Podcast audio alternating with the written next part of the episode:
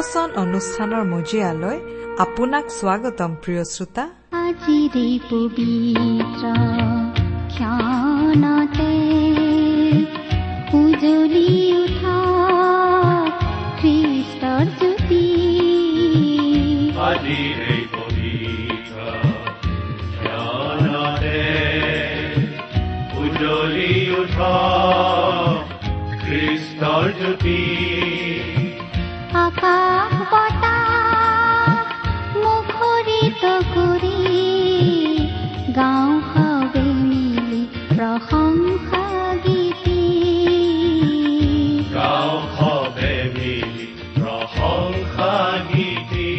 প্ৰিয় শ্ৰোতা ভক্তিবচন অনুষ্ঠানত আপোনাক পুনৰ লগ পাই আমি নথৈ আনন্দিত।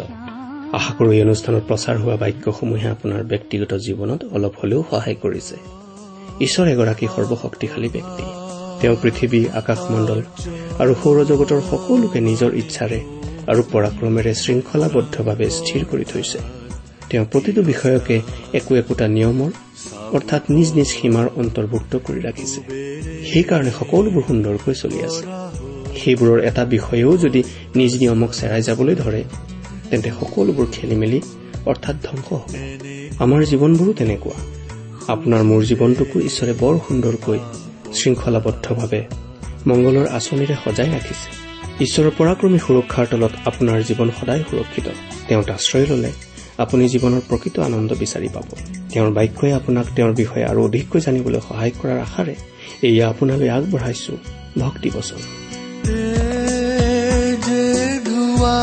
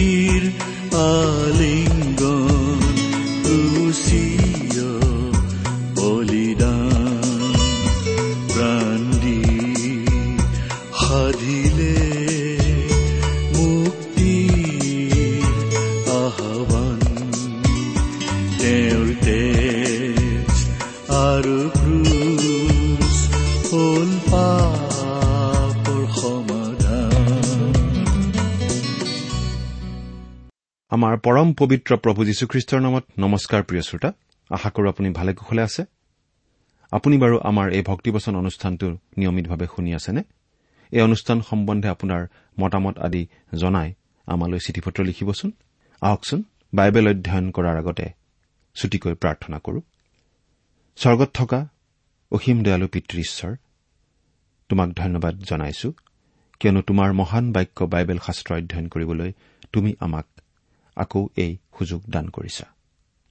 প্ৰাৰ্থনা কৰিছো তোমাৰ বাক্য বুজিবলৈ তুমি আমাক সহায় কৰা। তোমাৰ বাক্যৰ যোগেৰে তুমি আমাৰ প্ৰত্যেককে তোমাৰ মাত শুনিবলৈ দিয়া আৰু আমাৰ প্ৰয়োজন অনুসাৰে তুমি আমাক কথা কোৱা। কিয়নো এই প্ৰাৰ্থনা আমাৰ মহান ত্ৰাণকৰ্তা মৃত্যুঞ্জয় প্ৰভু যীশুখ্ৰীষ্টৰ নামত আগবঢ়াইছো।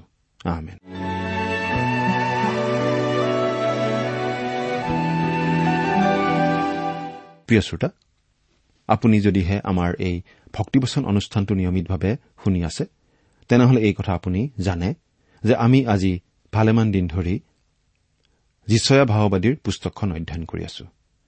এই যিচয়া ভাৱবাদীৰ পুস্তকখন আমি পাওঁ বাইবেলৰ পুৰণি নিয়ম খণ্ডত। আমি ইতিমধ্যে এই যিচয়া ভাৱবাদীৰ পুস্তকখন অধ্যয়ন কৰি আহি একেবাৰে যোৱা অনুষ্ঠানত এই পুস্তকৰ আঠাইছ নম্বৰ অধ্যায়ৰ শেষৰ পদলৈকে পঢ়ি আমাৰ আলোচনা আগবঢ়ালো। গতিকে আজিৰ অনুষ্ঠানত আমি যিচয়া পুস্তকৰ ঊনত্ৰিশ নম্বৰ অধ্যায়ৰ এক নম্বৰ পদটোৰ পৰাই আমাৰ আলোচনা আৰম্ভ কৰিম। আজিৰ অনুষ্ঠানত আমি আলোচনা কৰিবলৈ লোৱা যিচয়া পুস্তকৰ ঊনত্ৰিশ নম্বৰ অধ্যায়ৰ মূল বিষয় হ'ল জিৰচালেমৰ বিষয়ে ঈশ্বৰৰ ভৱিষ্যৎবাণী আৰু প্ৰভু যীশুৰ ৰাজত্ব কালত জিৰচালেমৰ বৰ্ণনা। এইখিনিতেই আপুনি মনত ৰখা উচিত যে এই অধ্যায়ৰ ভৱিষ্যৎবাণীসমূহ কেৱল জিৰচালেমক লৈয়ে কৰা হৈছে। তাৰ মানে চেন চাৰিবে কৰা আক্ৰমণৰ পৰা আৰম্ভ কৰি প্ৰভু যীশুৰ পুনৰ আগমনলৈকে সকলো আক্ৰমণৰ কথা ইয়াত আছে। এই বিষয়ে জখৰীয়া ভাওবাদীৰ পুস্তকৰ চৈধ্য নম্বৰ অধ্যায়ৰ এক নম্বৰ পদৰ পৰা সাত নম্বৰ পদলৈ পঢ়িলে আপুনি ভালদৰে জানিব পাৰিব। জখৰীয়া চৈধ্য নম্বৰ অধ্যায়ৰ একৰ পৰা সাত নম্বৰ পদ। আপুনি অনুগ্ৰহ কৰি পিছত সময় পালে পঢ়ি ল'ব। তদুপৰি এই অধ্যায়টি যদি আপুনি মঠিয়া লিখা শুভবাৰ্তা পুস্তকৰ তেইছ নম্বৰ অধ্যায়ৰ সাতত্ৰিশ নম্বৰ পদৰ পৰা চৌবিশ নম্বৰ অধ্যায়ৰ দুই নম্বৰ পদলৈ আৰু লোকে লিখা শুভবাৰ্তা তেৰ নম্বৰ অধ্যায়ৰ চৌত্ৰিশ পঁয়ত্ৰিশ পদ আৰু লোক একৈশ অধ্যায় বিছৰ পৰা চৌবিশ পদলৈ চাই তেন্তে লাভৱান হ'ব পাৰিব। আকৌ এবাৰ কৈ দিছো মঠি তেইছ অধ্যায় সাতত্ৰিশৰ পৰা চৌব্বিছ অধ্যায় দুই পদ। লোক তেৰ অধ্যায় চৌত্ৰিশ পঁয়ত্ৰিশ। লোক একৈশ অধ্যায় বিছৰ পৰা চৌব্বিছ এতিয়া আমি জিৰচালেমৰ ইতিহাস আৰু ভৱিষ্যৎবাণীৰ বিষয়ে এক নম্বৰ পদৰ পৰা আৰম্ভ কৰিছো হওক। বাইবেলৰ পৰা পাঠ কৰি দিম। যিচয়া ঊনত্ৰিশ নম্বৰ অধ্যায়ৰ এক নম্বৰ পদ। হে অৰিয়েল হে ডায়ুদে চাউনি পতা নগৰ তোমালোকে বছৰত বছৰ যোগ দিয়া উৎসৱৰ পাছত উৎসৱ আহক। এই পদটিৰ যোগেদি আমি জনা দৰকাৰ যে জিৰচালেম নগৰখনৰ নামকৰণ অৰিয়েলৰ উপাধিৰে কৰা হৈছে। অৰিয়েলৰ অৰ্থ হ'ল সিংহৰ দৰে। এই বিষয়ে দ্বিতীয় চমুৱেল তেইছ নম্বৰ অধ্যায়ৰ বিশ নম্বৰ পদত এইদৰে কোৱা হৈছে। আৰু এজন মহৎ কাৰ্য কৰা এজন কবচেলীয়া বীৰ পুৰুষৰ নাতিয়েক জিহুৱাদাৰ পুত্ৰ যি বনায়া তেওঁ মোৱাবিয়া অৰিয়েলৰ দুজন পুতেকক বধ কৰিলে। তাৰ বাহিৰে তেওঁ হিম পৰা কালত গৈ গাঁতৰ ভিতৰত এটি সিংহ মাৰিলে। সিংহৰ দৰে মানুহ হ'ল এজন অৰিয়েল। জিহিচকেল তিয়াল্লিছ নম্বৰ অধ্যায়ৰ ষোল্ল নম্বৰ পদত এই শব্দটিক বেদী বুলি কোৱা হৈছে। এয়া ঈশ্বৰৰ বেদী। এই দুয়োটা নামেই জিৰচালেমৰ কাৰণে উপযুক্ত। এই জিৰচালেম নগৰত মহাবীৰ ডায়ুদে নিবাস কৰিছিল আৰু ঈশ্বৰৰ মন্দিৰ আৰু বেদী তাতেই আছিল। জিৰচালেমৰ বিষয়ে যি ভৱিষ্যৎবাণী কৰা হৈছিল সেয়া যিচয়াৰ দিনতে সিদ্ধ হবলৈ আৰম্ভ কৰিছিল। সেই ভৱিষ্যৎবাণী আজিও সিদ্ধ হৈ আছে আৰু প্ৰভু যীশুৰ দ্বিতীয় আগমনলৈকে সেই ভৱিষ্যৎবাণী সিদ্ধ হৈ থাকিব। ইয়াৰ প্ৰমাণ আমি জিৰচালেমৰ ৰাস্তাই ঘাটে দেখিবলৈ পাওঁ। পদ। তেতিয়া মই অৰিয়েলক কষ্ট দিম। তাতে সুখ আৰু বিলাপ হ'ব আৰু সেই নগৰ মোৰ পক্ষে অৰিয়েলৰ যজ্ঞবেদীৰ দগ্ধ কৰা ঠাইৰ নিচিনা হ'ব। এয়া আছিল জিৰচালেমৰ ওপৰত ঈশ্বৰৰ সুধবিচাৰৰ ঘোষণা। সিদ্ধতাৰ বিষয়ে এতিয়া তিনি নম্বৰ পদৰ পৰা পাঁচ নম্বৰ পদলৈ শুনিবচোন। আৰু মই তোমাৰ বিৰুদ্ধে চাৰিওফালে চাউনি পাতিম আৰু সৈন্যদলেৰে তোমাক বেৰি ধৰিম আৰু তোমাৰ অহিতে আক্ৰমণ কৰা গড় তুলিম। তাতে তুমি নত হবা ভূমিৰ পৰা কথা কবা। তোমাৰ বাক্য সৰু হৈ ধূলিৰ পৰা ওলাব। তোমাৰ মাত ভূত পোহা মানুহৰ নিচিনাকৈ ভূমিৰ পৰা ওলাব আৰু তোমাৰ বাক্যৰ ফুচফুচনি ধূলিৰ পৰা ওলাব। কিন্তু তোমাৰ শত্ৰুসমূহ মিহি ধূলিৰ নিচিনা হ'ব আৰু ভয়ানক লোকসমূহ উৰি যোৱা তোহৰ নিচিনা হ'ব। এনেকি সেয়ে অকস্মাতে চকুৰ প্ৰচাৰতে ঘটিব। প্ৰিয় শ্ৰোতা এই ভৱিষ্যৎবাণীটো নবুখত নেজৰ ৰজাই আহি জিৰচালেম ধ্বংস কৰাৰ আগতেই দিয়া হৈছিল। এই বিষয়ে লোকে লিখা শুভবাৰ্তা একৈশ নম্বৰ অধ্যায়ৰ চৌব্বিছ নম্বৰ পদত কোৱা হৈছে যে তেওঁবিলাক তৰোৱালৰ ধাৰত পৰিব আৰু সকলো দেশলৈ বন্দী কৰি নিয়া হ'ব। আৰু পৰজাতি মানুহৰ কাল সম্পূৰ্ণ নহয়মানলৈকে জিৰচালেমক পৰজাতি মানুহৰ ভৰিৰে গছকা যাব। এই পৰজাতিৰ অনেক লোক আজিও আপুনি জিৰচালেমত দেখা পাব। মন কৰিবলগীয়া কথা যে পৃথিৱীৰ যিকোনো নগৰতকৈ জিৰচালেমকেই বেছি আক্ৰমণ আৰু দখল কৰা হৈছে। এগৰাকী বাইবেল পণ্ডিতৰ মতে ইয়াক সাতাইশবাৰ আক্ৰমণ কৰা হৈছে আৰু প্ৰতিবাৰতেই একেৰাহে ধ্বংস কৰা হৈছে। সেইকাৰণে যীশু যিবোৰ ঠাইত ফুৰিছিল আৰু বৎসেবাৰ পুখুৰী য'ত আছিল সেইবোৰ ঠাই আজি প্ৰায় পঞ্চাছ ফুট তলত আছে। আনকি চলোমনে নিৰ্মাণ কৰা জিৰচালেমৰ মন্দিৰৰ ঠাইও আজি দেখা পোৱা নাযায়। সেই ঠাইৰ প্ৰায় এশ ফুট ওপৰত উমৰৰ মছজিদ আছে। ইয়াৰ কাৰণ হ'ল আক্ৰমণত চূৰ্ণ বিচূৰ্ণ হোৱা ভঙাবিলাক আঁতৰ নকৰি তাৰ ওপৰতেই পুনৰ নিৰ্মাণ কৰা হৈছিল। এইদৰে প্ৰতিটো আক্ৰমণৰ পাছত পুনৰ নিৰ্মাণ কৰোতে কৰোতে জিৰচালেম আজি বহু ওখ হৈ গ'ল। এতিয়া ছয় নম্বৰ পদৰ পৰা আঠ নম্বৰ পদলৈকে পাঠ কৰি দিছো শুনিবচোন। মেঘ গৰ্জনেৰে ভূমিকম্পনেৰে মহাশব্দেৰে বামাৰলি বতাহেৰে ধুমুহাৰে আৰু সংহাৰক অগ্নিশিখাৰে বাহিনীবিলাকৰ জিহুৱাৰ দ্বাৰাই দণ্ড দিয়া যাব। তাতে আৰিয়েলৰ বিৰুদ্ধে যি সকলো জাতিসমূহে যুদ্ধ কৰিছে যিবোৰে তেওঁৰ আৰু তেওঁৰ দৃঢ় কোঠৰ অহিতে যুদ্ধ কৰিছে আৰু তেওঁক ক্লেশ দিছে সেই সকলোৱেই এটি সপোনৰ ৰাতিৰ এক সামাজিকৰ নিচিনা হ'ব। যেনেকৈ ক্ষুধাটোৰ মানুহে সপোনত ভোজন কৰে কিন্তু সাৰ পালে পেট সুদা থাকে। বা যেনেকৈ তৃষ্ণাটোৰ মানুহে সপোনত পাণ কৰে কিন্তু সাৰ পালে তেওঁ পিয়াহত দুৰ্বল হয় আৰু অন্তৰত পিয়াহ লাগে। তেনেকৈ চিউন পৰ্বতৰ বিৰুদ্ধে যুদ্ধ কৰোতা সকলো জাতিসমূহ হ'ব। জিৰচালেমৰ ওপৰত আক্ৰমণ এতিয়াও শেষ হোৱা নাই। একেবাৰে শেষত তাৰ ওপৰত যিটো আক্ৰমণ হ'ব সেইটো অতি ভয়ানক হ'ব। এই বিষয়ে জখৰীয়া চৈধ্য নম্বৰ অধ্যায়ত আপুনি বহলাই পঢ়ি চাব পাৰে। সেই আক্ৰমণত সৰ্বস্ব ধ্বংস হওঁ হওঁ অৱস্থাত ঈশ্বৰে হস্তক্ষেপ কৰিব আৰু তেওঁৰ নিজৰ লোকবিলাকক ৰক্ষা কৰিব। কিন্তু তেওঁৰ শত্ৰবিলাকক তল কৰি সিহঁতক নিৰাশ কৰিব। শত্ৰুসকলৰ ৰঙীন সপোন অথলে যাব আৰু ঈশ্বৰে সেই নগৰ নিজে নিৰ্মাণ কৰি তাত ৰাজত্ব কৰিব। এয়া হৈছে ঈশ্বৰৰ আঁচনি। আৰু ঈশ্বৰে তাক নিশ্চয় ৰূপায়িত কৰিব। কিন্তু ইয়াৰ আগতে কি হ'ব? সেই বিষয়ে এতিয়া চাওঁহক আৰু ন আৰু দহ নম্বৰ পদ পাঠ কৰি দিছো। তোমালোকে ৰৈ থাকা তধা লাগা আমোদ কৰা আৰু অন্ধ হোৱা। তেওঁবিলাক মুতলীয়া হৈছে কিন্তু দ্ৰাক্ষাৰসেৰে নহয়। তেওঁবিলাকে ধলং পলং কৰিছে কিন্তু সুৰাপানেৰে নহয়। কিয়নো জিহুৱাই তোমালোকৰ ওপৰত ঘূৰ নিদ্ৰাজনক আত্মা ঢালি দিলে। তোমালোকৰ ভাৱবাদী স্বৰূপ চকুবোৰ মুদালে আৰু তোমালোকৰ দৰ্শকস্বৰূপ মূৰবোৰ ঢাকিলে। এই কথাবিলাক যিচয়া ভাৱবাদীৰ দ্বাৰা কোৱা হৈছিল আৰু তেওঁৰ কথাবিলাক আজিকালি আমাৰ লগত মিলি পৰে। বাৰু ঈশ্বৰে তেওঁলোকক টোপনি নিয়াইছে নেকি? যদি হয় তেন্তে ঈশ্বৰে সেই কাম কেনেকৈ কৰিলে? ঈশ্বৰে তেওঁলোকক পোহৰ আৰু জ্ঞান দি আছিল। কিন্তু তাক তেওঁলোকে গ্ৰহণ নকৰিলে। ঈশ্বৰৰ পোহৰ তেওঁলোকে সেইকাৰণে দেখা নাপালে। সেইকাৰণে ঈশ্বৰে তেওঁলোকক চকু মুদা বা টোপনিওৱা লোক বুলি কৈছে। এঘাৰ আৰু বাৰ নম্বৰ পদ। সকলো দৰ্শন তোমালোকলৈ চাব মাৰি বন্ধ কৰা এখনি পুথিৰ বাক্যস্বৰূপ। অনুগ্ৰহ কৰি ইয়াক পাঠ কৰা।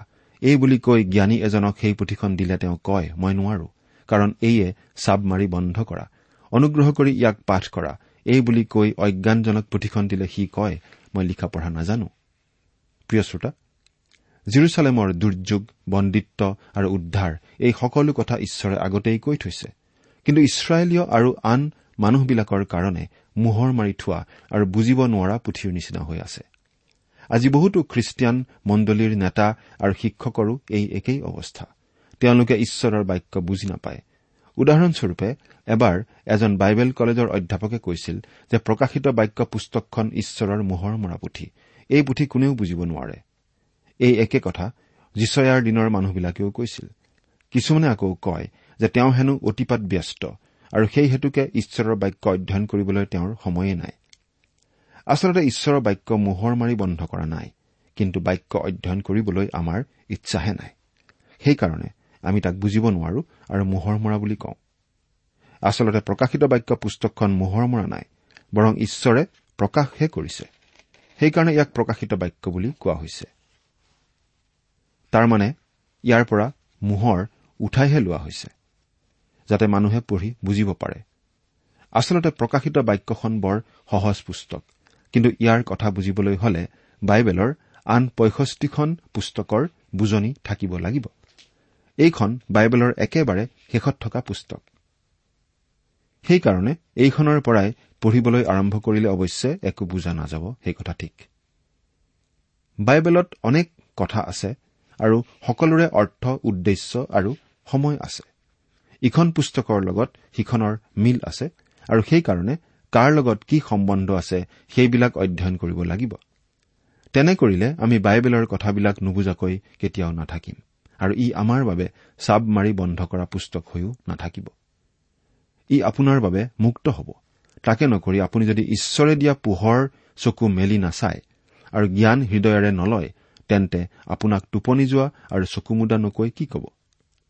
যিচয়াৰ দিনৰ মানুহবিলাকে ইয়াকে কৰিছিল আৰু প্ৰভু যীশুৰ পুনৰ আগমনৰ আগতো এনেকুৱাই কৰিব। সেইকাৰণে তেওঁলোকে কব এই পুথি চাব মাৰি বন্ধ কৰা। আমি বুজিব নোৱাৰো। আজিকালিও বহুতো মানুহে এনেকৈয়ে কয়। আৰু আপুনিও যদি একে কথাই কয় তেন্তে ঈশ্বৰে আপোনাক দণ্ড নিদিয়াকৈ নাথাকে। কিন্তু আপুনি যদি বাইবেল অধ্যয়ন কৰে তেন্তে ঈশ্বৰে আপোনাক আশীৰ্বাদ কৰিব। এই বিষয়ে প্ৰকাশিত বাক্যৰ এক নম্বৰ অধ্যায়ৰ তিনি নম্বৰ পদত এইদৰে কোৱা হৈছে। যিজনে এই ভাৱবাণীৰ বাক্যবোৰ পঢ়ে তেওঁ ধন্য। আৰু যিবিলাকে শুনে আৰু ইয়াত লিখা কথাবোৰ পালন কৰে তেওঁ ধন্য। কিয়নো কাল ওচৰ। আকৌ বাইশ নম্বৰ অধ্যায়ৰ দহ নম্বৰ পদত এইদৰে কোৱা হৈছে পুনৰাই তেওঁ মোক কলে এই পুস্তকৰ ভাৱবাণীৰ বাক্যবোৰ চাব মাৰি বন্ধ নকৰিবা কিয়নো কাল ওচৰ হৈছে।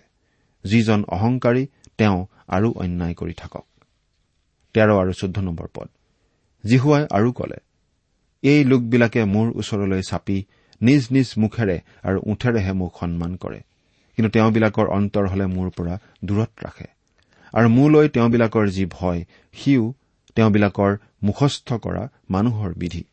এই হেতুকে চোৱা মই এই লোকবিলাকলৈ অদ্ভুত ৰূপে এনেকি অদ্ভুত আৰু আচৰিত ৰূপে কাৰ্য কৰি থাকিম। আৰু তেওঁবিলাকৰ জ্ঞানৱন্তবিলাকৰ জ্ঞান নষ্ট হ'ব আৰু তেওঁবিলাকৰ বুদ্ধিমন্ত লোকবিলাকৰ বুদ্ধি লুকাই থাকিব। আপুনি যদি যিচয়াৰ দিনত বাস কৰিলেহেঁতেন তেন্তে যিচয়াই কোৱা কথাবিলাক যে একেবাৰে সঁচা এই কথাটো আপুনি নিশ্চয় উপলব্ধি কৰিলেহেঁতেন। কাৰণ উৎসৱৰ দিনত মন্দিৰত উৎসৰ্গ কৰা হৈছিল আৰু সেইদিনা মতা তিৰোতা ল'ৰা ছোৱালী সকলোবিলাক মন্দিৰলৈ গৈ ভিৰ কৰিছিল। তাত পুৰুষৰ কাৰণে আৰু তিৰোতাৰ কাৰণে বেলেগ বেলেগ ঠাই আছিল। আনকি পৰজাতিৰ কাৰণেও বেলেগ ঠাই আছিল। এনে কৰাৰ কাৰণে ঈশ্বৰে একো বেয়া পোৱা নাই। কিন্তু তেওঁলোকে মাত্ৰ নিয়মৰ কামবিলাকহে কৰিছিল আৰু ভাটৌৰ দৰে মুখেৰে কথাবোৰ আওৰাইছিল। তেওঁলোকে মুখেৰে যিবোৰ কথা কৈছিল সেইবোৰ বিশ্বাস কৰা নাছিল। সেইকাৰণে সেইবোৰ তেওঁলোকৰ বাবে অৰ্থহীন কথা আছিল। সেইকাৰণে ঈশ্বৰে কৈছে তেওঁলোকৰ হৃদয় মোৰ পৰা দূৰ আছিল। তাৰ ঈশ্বৰৰ বাক্য তেওঁলোকে বিশ্বাস কৰা নাছিল। এই হেতুকে ঈশ্বৰে তেওঁলোকক শাস্তি দিছিল। আৰু আজিও আমি যদি এনেকুৱাই কৰো তেন্তে ঈশ্বৰে আমাকো দণ্ড নিদিয়াকৈ নাথাকে। আজি জগতৰ কাৰণে অভিশাপ হল আচলতে বিভিন্ন মানুহৰ বিভিন্ন বিশ্বাসবোৰ। মানুহে যদি মানুহে পাতি লোৱা ধৰ্মৰ ঊৰ্ধত গৈ ঈশ্বৰৰ ওচৰলৈ আহে তেন্তে ঈশ্বৰে বৰ ভাল পাব। খ্ৰীষ্টলৈ অহাৰ ক্ষেত্ৰত ধৰ্মই হল মানুহৰ বাবে আটাইতকৈ ডাঙৰ বাধা। এই কথাটো এগৰাকী বিখ্যাত বাইবেল পণ্ডিতে এজন মানুহক কৈছিল। আৰু তেতিয়া তেওঁ তপৰাই উত্তৰ দিছিল যে তেওঁ হেনো এজন ধাৰ্মিক মানুহ আৰু ধৰ্মই হল তেওঁৰ স্বভাৱ। আচলতে সেই মানুহজন ধৰ্মীয় স্বভাৱৰ আছিল কিন্তু তেওঁৰ স্বভাৱ পতিত স্বভাৱৰ আছিল। সেইকাৰণে সেই বাইবেল পণ্ডিতজনে কৈছিল যে মোৰ অৱশ্যে কোনো ধৰ্ম নাই আৰু আপুনিও যদি ধৰ্ম বাদ দিয়ে তেন্তে ভাল হ'ব। তেতিয়া তেওঁ কৈছিল যে আপুনি এজন খ্ৰীষ্টিয়ানৰ প্ৰচাৰক আৰু আপোনাৰ ধৰ্ম নাই বুলি ক'লে মই বিশ্বাস নকৰো। আপোনাৰ যদি কোনো ধৰ্মই নাই তেন্তে আপুনি কি মানুহ? তেতিয়া সেই বাইবেল পণ্ডিতজনে কৈছিল যে মই এজন পাপী মানুহ আৰু পাপৰ পৰা উদ্ধাৰ পাবলৈ যীশুখ্ৰীষ্টক গ্ৰহণ কৰি পাপৰ ক্ষমা পোৱা মানুহ। আৰু সেইকাৰণে আজি তেওঁৰ লগত মোৰ এটি ব্যক্তিগত সম্বন্ধ আছে। হয় প্ৰিয় শ্ৰোতা যীশুখ্ৰীষ্টক ব্যক্তিগত জীৱনৰ পৰিত্ৰতা প্ৰভুৰূপে গ্ৰহণ কৰাটো এটা ধৰ্ম নহয় কিন্তু এটা সম্বন্ধ। আৰু খ্ৰীষ্টৰ লগত সম্বন্ধ মানে ঈশ্বৰৰ লগত মিলন। এইটো আমাৰ সকলোৰে বাবে অতি দৰকাৰী কথা। আপুনি বাৰু যীশুখ্ৰীষ্টক গ্ৰহণ কৰি সেই সম্বন্ধ স্থাপন কৰিছেনে? পোন্ধৰ আৰু ষোল্ল নম্বৰ পদ শুনিবচোন। যিবোৰে জিহুৱাৰ পৰা নিজ কল্পনা লুকুৱাই ৰাখিবলৈ গভীৰ আলচ কৰে আৰু যিবোৰৰ কৰ্ম আন্ধাৰত আছে আৰু যিবোৰে কয় আমাক কোনে দেখে আৰু আমাক কোনে জানে সিহঁতৰ সন্তাপ হ'ব। তোমালোকৰ কেনে বিপৰীত বুদ্ধি? কুমাৰ কুমাৰ মাটিৰ সমান বুলি গণ্যনে? তেওঁ মোক নিৰ্মাণ কৰা নাই এই বুলি নিৰ্মিত বস্তুৱে নিৰ্মাণকৰ্তাৰ বিষয়ে ক'ব পাৰেনে? তেওঁৰ বুদ্ধি নাই গঠিত বস্তুৱে তাৰ গঠনকাৰীৰ বিষয়ে ক'ব পাৰেনে? প্ৰিয় শ্ৰোতা ঈশ্বৰৰ সন্তাপ মানুহৰ বাবে বৰ ভয়ানক। কিন্তু ঈশ্বৰে তেওঁৰ নিজৰ মানুহৰেই সন্তাপ হ'ব বুলি কিয় কৈছে? তাৰ দুটা কাৰণ আছে। প্ৰথমটো হ'ল তেওঁলোকে এনেহেন ভাবিছিল যেনিবা তেওঁলোকে কৰা পাপ কাৰ্যবোৰ ঈশ্বৰে দেখাই নাপায়। দ্বিতীয়তে পাপ কৰি তাৰ পৰা তেওঁলোকে ক্ষমা পাব পাৰিব বুলি ভাবিছিল। পদ। আৰু অতি অলপ সময় গ'লে লিবানুন ফলৱতী ক্ষেত্ৰত পৰিৱৰ্তন নহবনে? আৰু ফলৱতী ক্ষেত্ৰ কাঠনি বুলি গণিত নহবনে? প্ৰিয় শ্ৰোতা এই পদটিৰ যোগেদি একেবাৰে ভৱিষ্যতৰ কথা কোৱা হৈছে। এনে এটি সময় আহিব যেতিয়া জিৰচালেম আৰু ইছৰাইলত গৌৰৱ আৰু প্ৰশংসা হ'ব। কিন্তু সেইদিন এতিয়ালৈকে অহা নাই। আজিলৈ জিৰচালেমক বাৰে বাৰে ধ্বংস কৰা হৈ আছে আৰু তৰপে তৰপে নিৰ্মাণ কৰি আহিছে। এইদৰে ঈশ্বৰে তেওঁলোকক শাস্তি দিছে। ঈশ্বৰে তেওঁলোকক আকৌ শাস্তি দিব আৰু তাৰ পাছত আৰু তাৰ পাছত জিৰচালেমক পুনৰ নিৰ্মাণ কৰা হ'ব আৰু তেতিয়াহে ই প্ৰকৃত অৰ্থত ঈশ্বৰৰ নগৰ হ'ব। ওঠৰ নম্বৰ পদৰ পৰা বাইশ নম্বৰ পদলৈকে পাঠ কৰি দিছো। আৰু সেইদিনা কলাবিলাকে পুথিখনিৰ বাক্য শুনিব আৰু অন্ধবিলাকৰ চকুৱে তিমিৰ আৰু অন্ধকাৰৰ মাজৰ পৰা দেখিবলৈ পাব। নম্ৰ লোকবিলাকে জিহুৱাত নিজৰ আনন্দ বঢ়াব আৰু মনুষ্যৰ মাজত থকা দৰিদ্ৰবিলাকে ইছৰাইলৰ পবিত্ৰজনাত উল্লাস কৰিব। কিয়নো ভয়ানক লোক লোপ পাইছে আৰু নিন্দক শেষ হৈছে। আৰু যিবোৰে অপকাৰ কৰিবলৈ চল বিচাৰে যিবোৰে গোচৰত মানুহক অপৰাধী পাতে নগৰৰ দুৱাৰত প্ৰতিবাদীজনলৈ ফাণ্ড পাতে আৰু মিছা কথাৰে ধাৰ্মিকৰ ন্যায় দূৰ কৰে সেই সকলোকে উচ্ছন্ন কৰা হৈছে। ইয়াত প্ৰধানকৈ কলাই শুনিব আৰু অন্ধই দেখা পাব বুলি কোৱা হৈছে। ইয়াৰ দ্বাৰা এইটো কথা কোৱা হৈছে যে যিচয়াৰ দিন কাণ থকাই নুশুনা দিন আছিল আৰু চকু থকাই নেদেখা দিন আছিল। অৰ্থাৎ কাণ থাকিও তেওঁলোকে শুনা নাছিল চকু থাকিও তেওঁলোকে দেখা নাছিল। ঈশ্বৰৰ বাক্যলৈ কাণ দিয়া নাছিল তেওঁলোকে ঈশ্বৰৰ কথাবোৰলৈ চকু দিয়া নাছিল। কিন্তু জিৰচালেম যেতিয়া ঈশ্বৰৰ নগৰ হ'ব তেতিয়া কলাই শুনিব আৰু অন্ধই দেখা পাব। এইটো সিদ্ধ হ'ব প্ৰভু যীশুৰ এহেজাৰ বছৰীয়া ৰাজত্বকালত এতিয়া একেবাৰে শেষৰ পদ তিনিটা অৰ্থাৎ চৌবিশ পদলৈকে পাঠ কৰি দিছো। এই হেতুকে অব্ৰাহমৰ মুক্তিদাতা জিহুৱাই জাকুবৰ বংশৰ বিষয়ে এই কথা কৈছে। এতিয়াৰ পৰা জাকুব লজ্জিত নহ'ব আৰু এতিয়াৰ পৰা তাৰ মুখ বিৱৰ্ণ নহ'ব। কিন্তু যেতিয়া সি মোৰ হাতৰ কাৰ্য নিজ সন্তানবিলাকক নিজৰ মাজত থকা দেখিব তেতিয়া তেওঁবিলাকে মোৰ নাম পবিত্ৰ কৰি মানিব। এনেকি তেওঁবিলাকে জাকুবৰ পবিত্ৰজনাক পবিত্ৰ কৰি মানিব আৰু ইছৰাইলৰ ঈশ্বৰক ভয় কৰিব। তাতে ভ্ৰান্ত মনৰ লোকেও বিবেচনা শক্তি পাব। বিদ্ৰোহীবোৰে জ্ঞান শিকিব। ইছৰাইলৰ নিজৰ পাপৰ কাৰণে তেওঁলোকে ঈশ্বৰৰ পৰা শাস্তি পাই আহিছে। শাস্তি পাই আছে। আৰু মহাক্লেশৰ দিনলৈকে তেওঁলোকে শাস্তি পাব। কিন্তু তথাপিতো ঈশ্বৰে উপৰি পুৰুষ অব্ৰাহাম আৰু জাকুবৰ আগত যি প্ৰতিজ্ঞা কৰিছিল তেওঁলোকৰ লগত যি চুক্তি কৰিছিল তাক সিদ্ধ কৰিবই। আৰু সেই প্ৰতিজ্ঞা ভংগ নকৰে। আৰু সেয়েহে ইছৰাইল এদিন গৌৰৱান্বিত হ'ব। সেই সময়ত তেওঁলোকে ঈশ্বৰৰ নামৰ ধন্যবাদ আৰু প্ৰশংসা কৰিব। তেওঁৰ নাম পবিত্ৰ আৰু মৰ্যাদাপূৰ্ণ কৰিব। ঈশ্বৰক হৃদয়েৰে বিশ্বাস কৰিব। এই কথা ঈশ্বৰে যিচয়া ভাৱবাদীৰ দ্বাৰা আমাক জানিবলৈ দিছে। জিৰচালেমৰ দৰে তেওঁৰ সন্তানসকলো যদি সংকটত পৰে তথাপিতো ঈশ্বৰে তেওঁলোকক তুলিব আৰু আনকি মৃত্যুৰ পাছতো তেওঁলোকক নষ্ট হবলৈ নিদিয়ে। বৰং তেওঁলোকক ঈশ্বৰৰ স্বৰ্গৰাজ্যত স্থাপন কৰিব। প্ৰিয় শ্ৰোতা ঈশপুত্ৰ যীশুখ্ৰীষ্টক নিজৰ ত্ৰাণকৰ্তা বুলি গ্ৰহণ কৰি আপুনি ঈশ্বৰৰ সন্তান হৈছেনে? যদি হৈছে তেনেহলে ঈশ্বৰৰ হাতত আপুনি সম্পূৰ্ণ নিৰাপদ। ঈশ্বৰ আপোনাৰ সহায় হওক। আহমেদ আমি মাথো বিপদ প্ৰিয় শ্ৰোতা ইমান পৰে আপুনি বাইবেল শাস্ত্ৰৰ পৰা ঈশ্বৰৰ বাক্য শুনিলে। এই বিষয়ে আপোনাৰ মতামত জানিবলৈ পালে আমি নথৈ আনন্দিত হ'ম।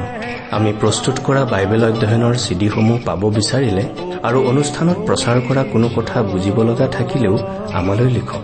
আমাৰ যোগাযোগৰ ঠিকনা ভক্তিবচন ট্ৰান্সৱৰ্ল্ড ৰেডিঅ' ইণ্ডিয়া ডাক বাকচ নম্বৰ সাত শূন্য গুৱাহাটী সাত আঠ এক শূন্য শূন্য এক। ঠিকনাটো আকৌ এবাৰ কৈছো ভক্তিবচন ট্ৰান্সৱৰ্ল্ড ৰেডিঅ' ইণ্ডিয়া ডাক বাকচ নম্বৰ সাত শূন্য গুৱাহাটী সাত আঠ এক শূন্য শূন্য এক। আমাৰ ইমেইল এড্ৰেছটো হৈছে Assamese T TV at the rate radio' eight eight two dot com. আমাৰ website W W W dot T W R dot in. আপুনি টেলিফোনৰ মাধ্যমেৰেও আমাক যোগাযোগ কৰিব পাৰে। আমাৰ টেলিফোন নম্বৰটো হৈছে nine eight five four zero' four zero' eight eight nine. Phone নম্বৰটো আকৌ এবাৰ কৈছো ন আঠ পাঁচ চাৰি শূন্য চাৰি শূন্য আঠ আঠ ন। আপুনি এই ভক্তিবচন অনুষ্ঠানটি আমাৰ website W W W dot radio' eight eight two dot কমতো শুনিব পাৰিব। আজিৰ অনুষ্ঠানটি ইমানতেই সামৰিছো। ঈশ্বৰৰ শান্তি আৰু অনুগ্ৰহ আপোনাৰ লগত থাকক। ধন্যবাদ। কান্দারি তুমি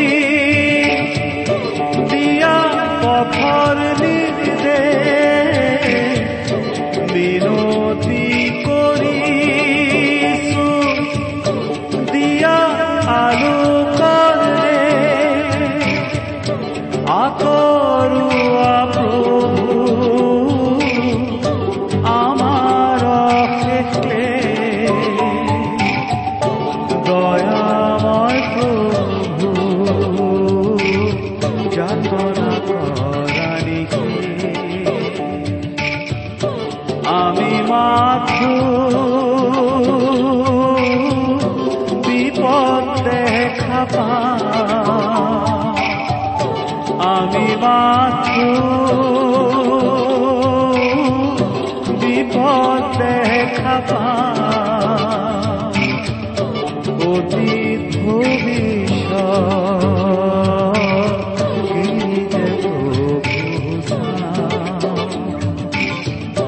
বথা নাই যে ভাঙা আমার বথা নাই যে ভাঙা